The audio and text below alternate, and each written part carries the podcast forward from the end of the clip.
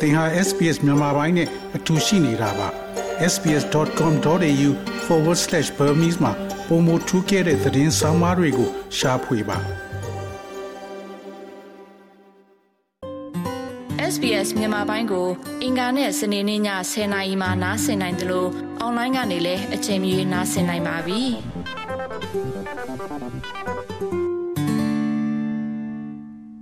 တရရှိမြရှင်ဥရောပတိုက် အာရှတိုက်နဲ့ အာဖရိကမှာဝက်သက်ယောဂအဖြစ်များနေပြီး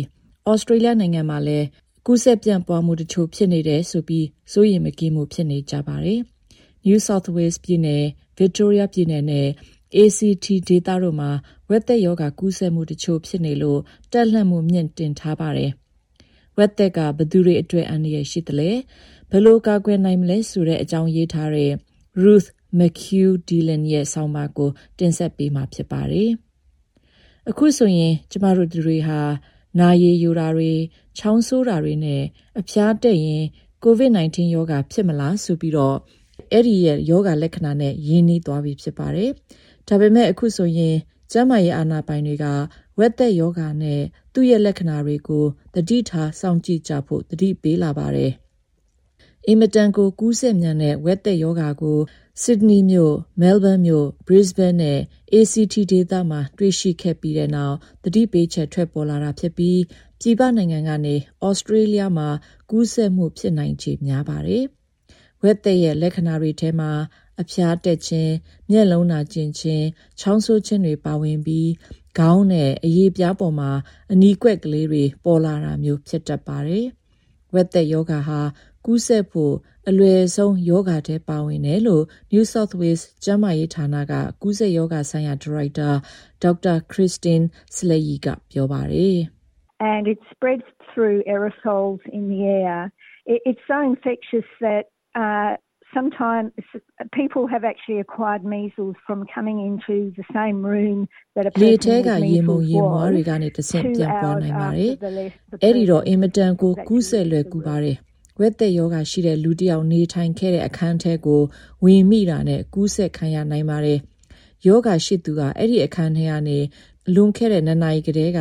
ထွက်ခွာသွားတာတောင်ကူးဆက်နိုင်သေးတဲ့အနေအထားမျိုးဖြစ်တယ်လို့ရှင်းပြခဲ့ပါတယ်။ဩစတြေးလျနိုင်ငံမှာဝက်သက်ယောဂနဲ့ပတ်သက်ပြီးကာကွယ်ဆေးထိုးမှုနှုန်းက65ရာခိုင်နှုန်းရှိလို့မြင့်တက်တယ်ဆိုပေမဲ့အဲ့ဒီယောဂဟာ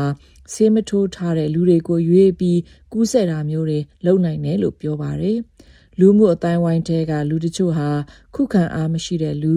ဒါမှမဟုတ်တခြားကျန်းမာရေးအခြေအနေကြောင့်ကာကွယ်ဆေးနဲ့မတည့်တဲ့လူနဲ့အသက်ငယ်လွန်းလို့ကာကွယ်ဆေးထိုးလို့မရသေးတဲ့အရွယ်စသဖြင့်အခြေအနေမျိုးစုံရှိနိုင်တယ်လို့ပြောပါတယ်။ We need everybody to be protected to protect those people that can't be vaccinated. And also children aged between six months and 12 months of age before they get their first vaccine. Their mother's antibodies are just wearing off in their system, so those young babies are vulnerable to measles. It can lead to a nasty uh, pneumonia. Sometimes it can cause encephalitis. And then, rarely, uh, there's a very severe condition called uh, pan. အသက်6လနဲ့တစ်နှစ်အကြာရှိတဲ့ကလေးငယ်တွေပထမဆုံးကာကွယ်ဆေးကိုမထိုးရသေးတဲ့လူတွေနဲ့မိခင်ရဲ့ယောဂတိုက်ဖြတ်ရေးအာဏအာနိသင်တွေကျဆင်းလာတဲ့အချိန်ဖြစ်တာကြောင့်ဝက်သက်ယောဂဟာကလေးငယ်တွေအတွေ့အန္တရာယ်ဖြစ်နိုင်တဲ့အတွေ့လူတိုင်းကတခြားလူကိုကာကွယ်မှုလုပ်ဖို့လိုအပ်ပါတယ်။အဲ့ဒီယောဂကနေဆိုးရတဲ့နျူမိုနီးယားယောဂအဆင့်ဖြစ်နိုင်ပြီးတခါတရံအုံနောက်ရောင်မှုဖြစ်စေတဲ့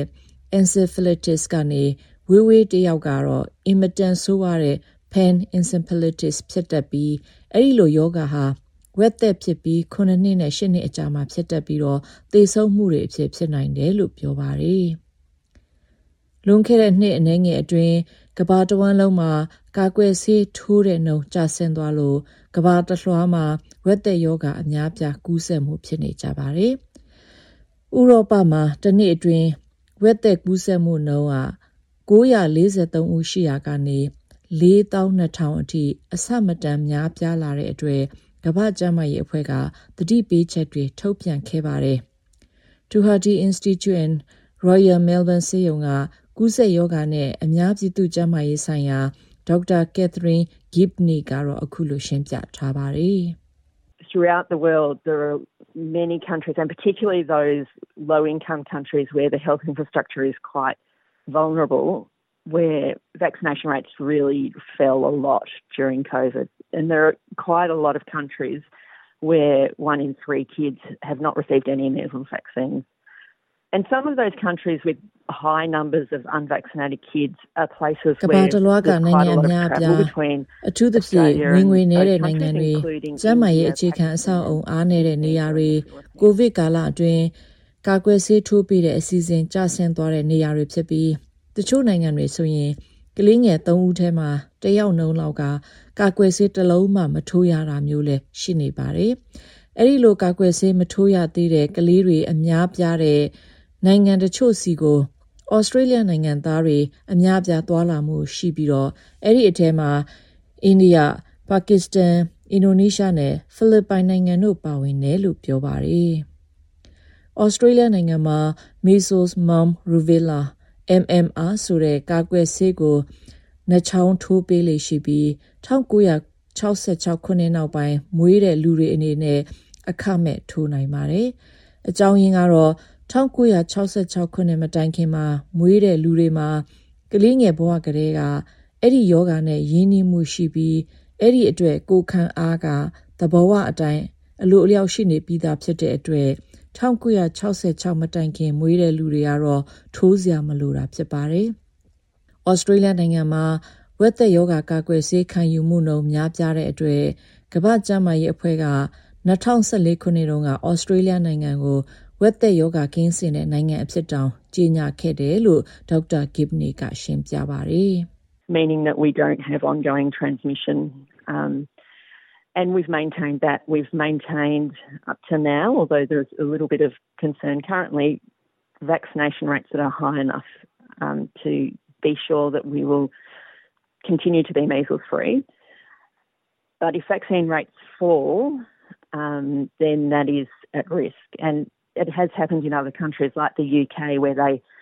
you know, received this WHO elimination status, but then it was revoked because ဆိုလိုတာ their က vaccine ဩစတြေးလျ rate မှာ fell and they ကူးစက် began ပြန့် to ပွား see မှုမရှိခြင်းဖြစ်ပြီး measles အဲ့ဒီအတိုင်းအခုထိထိမ့်သိမ်းထားနိုင်ခဲ့ခြင်းဖြစ်ပါတယ် continuing. အခုလောလောဆယ်တော့စိုးရင်စရာအနေငယ်ရှိပေမဲ့ကာကွယ်ဆေးထိုးမှုနှုန်းမြင့်မားနေစေဖြစ်လို့ဝက်သက်ယောဂကင်းစင်တဲ့နိုင်ငံအဖြစ်ဆက်လက်ရတည်နိုင်မှာဖြစ်ပါတယ်။ဒါပေမဲ့ကာကွယ်ဆေးခံယူမှုနှုန်းကျဆင်းသွားတာနဲ့အန္တရာယ်တွေကြာရောက်နိုင်ပါတယ်။ အဲဒီလိုကာကွယ်ဆေးထိုးတဲ့နှုန်းကျဆင်းတဲ့ဖြစ်ရမျိုးကို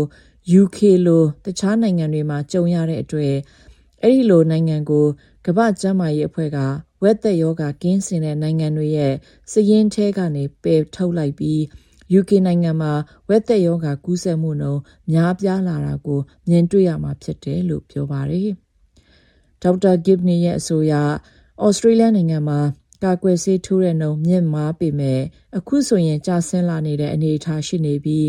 ကာကွယ်ဆေးထိုးတဲ့နှုန်းပြန်လည်ဥမော့လာအောင်လှုံ့ဆော်ဖို့လိုအပ်တယ်လို့ပြောပါတယ်။ရိုးရာရင်ကျေးမှုမတူဘာသာစကားမတူတဲ့လူမှုအတိုင်းဝိုင်းတွေကြားကာကွယ်ဆေးထိုးတဲ့နှုန်းဘယ်လောက်ရှိတယ်လဲဆိုတဲ့ဒေတာအချက်လက်တွေသိပ်ပြီးများများဆဆမရှိဘူးလို့လည်းသူမကပြောပါတယ်။ But we know from COVID that um, there is the risk that people in these communities are left behind in terms of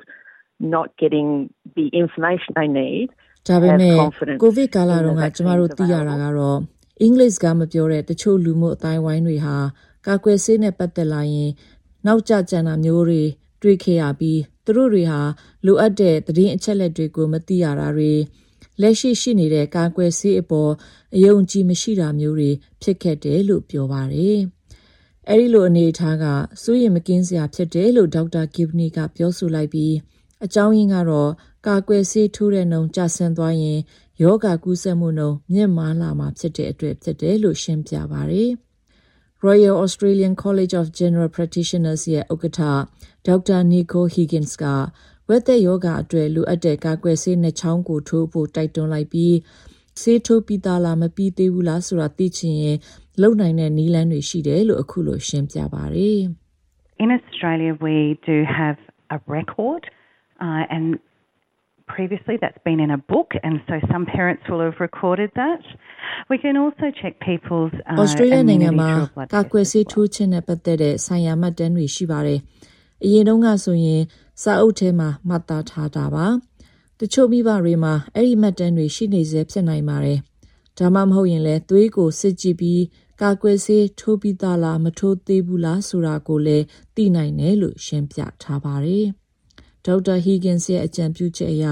မိမိရဲ့ကာကွယ်ဆေးမှတ်တမ်းကိုသိချင်ရင်ဒါမှမဟုတ်ယောဂလက္ခဏာခံစားနေရရင်မိမိရဲ့ GP ဆရာဝန်ကိုသွားတွေ့ဖို့တိုက်တွန်းထားပါတယ်။ ဒါပေမဲ့မိမိမှာဝက်သက်ယောဂဖြစ်နေတယ်လို့တန်တရားဖြစ်ရင်တော့ဆရာဝန်စီမသွားခင်အရင်ဆုံးဖုန်းဆက်ဖို့အရေးကြီးပါတယ်။ဒါမှသာလျှင် GP ဆရာဝန်ဘက်ကနေ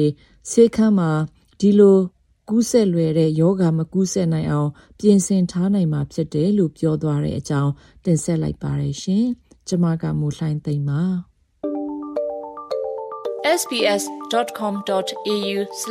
sbs.com.au/bemis ကို home နေရာမှာထားပြီးတော့အမြဲတမ်းနှာစင်နိုင်ပါတယ်။နောက်ဆုံးရသတင်းတွေ၊ဆောင်းပါးတွေနဲ့စစ်တမ်းတွေမှာပါဝင်ပြီးတော့ဆက်သွယ်မှုလုပ်နိုင်ပါတယ်။ sbs.com.au/bemis ဖြစ်ပါတယ်ရှင်။